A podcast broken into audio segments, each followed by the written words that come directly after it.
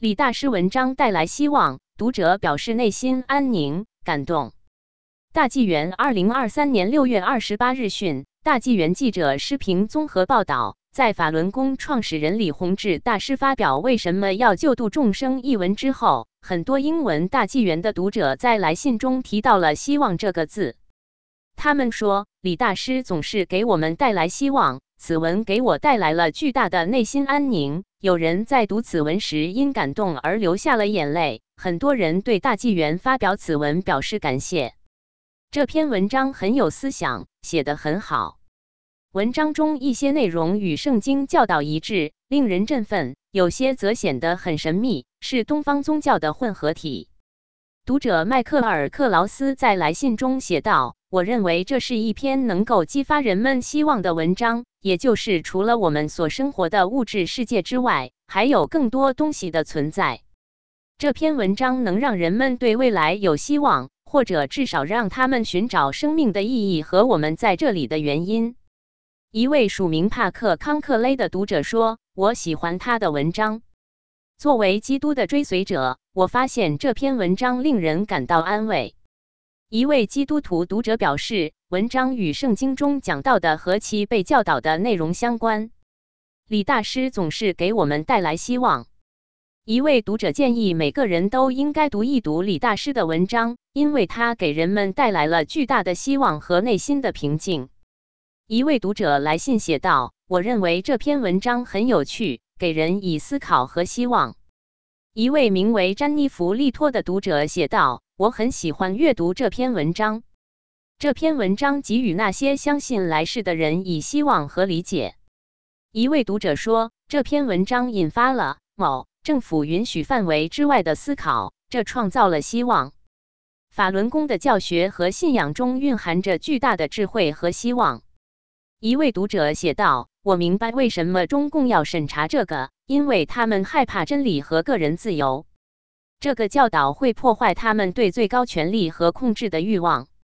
天主教徒翠西斯科特说，他以开放的心态阅读了这篇文章后，发现我们对创世主和救世主的信仰上有一些相似的地方。他能看到法轮功这个信仰可以给人一种和平和希望。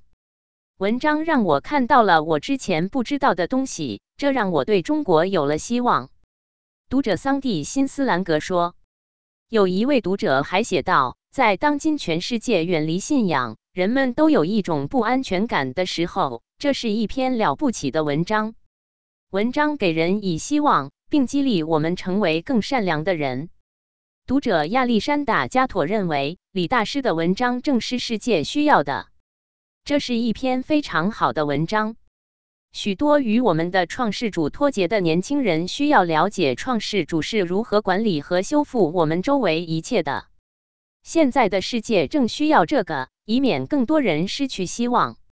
他写道：“我们更需要老师，而不是牧师。只有依靠真理、希望和传统以及更好的联系，人们才能得到保护，了解上帝是如何工作的。”一个读者表示，李大师提到现在是末世。但这篇文章给人以希望和鼓励，并用一些有趣的细节引起了读者的好奇。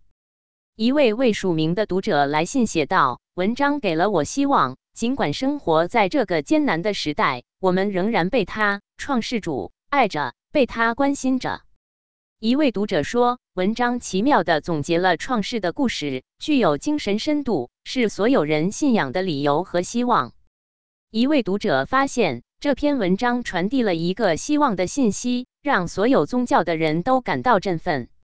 这与基督教的信息是相似的，也有东方哲学的元素。一位未署名的读者表示，李先生的两篇文章继续提供了指导和希望。这位相信圣经以及许多没有被列入圣经的先知的读者说：“我相信救赎和永生以及转世，我相信那也是可能的。”有上帝在，一切皆有可能。一位未署名的基督徒写道：“虽然基督教没有解释轮回，但他他相信轮回的概念是真实的，就像创世主对被创造的东西有爱一样，以及为什么有爱，这些也是真实的。”此外，李洪志先生的信息传达了希望，我希望能读到更多关于他想法的文章。还有一位读者表示，对人类数百万年的轮回不明白，但这篇文章带来了福音的希望。我喜欢这篇文章。读者大卫·基雷斯皮尔写道：“他从李大师文章中看到了承诺的信息，让他获得力量和决心。我认为这是一篇非常好的、有趣的文章。给我留下深刻印象的是承诺的信息。”他说：“这是一个好的榜样。”任何人都应该自豪地支持这一信仰，无论他们是否同意。任何相信真理和传统重要性的人都应该通过阅读这篇文章找到力量和决心。如此深刻的思想凝练在如此少的文字中。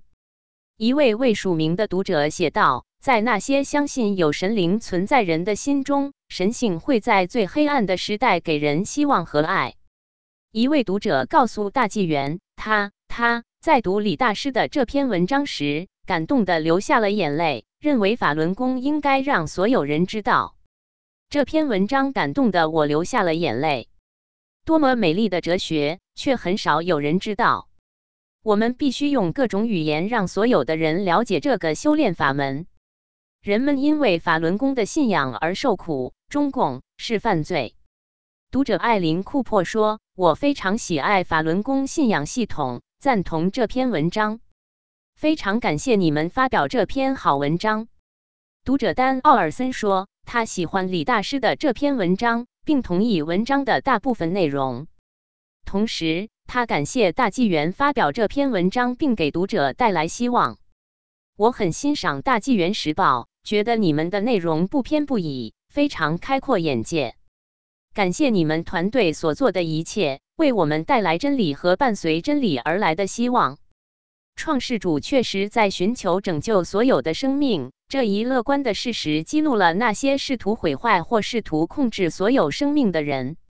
署名为娜塔莉·瑟纳的读者说：“大纪元时报，请继续出版并继续做你们所做的一切，我们对这一切都心存感激。”我每天都在我们的世界里发现更多的希望，而感觉更好一些。我相信你们正在连接地球上仍然存在的好人们。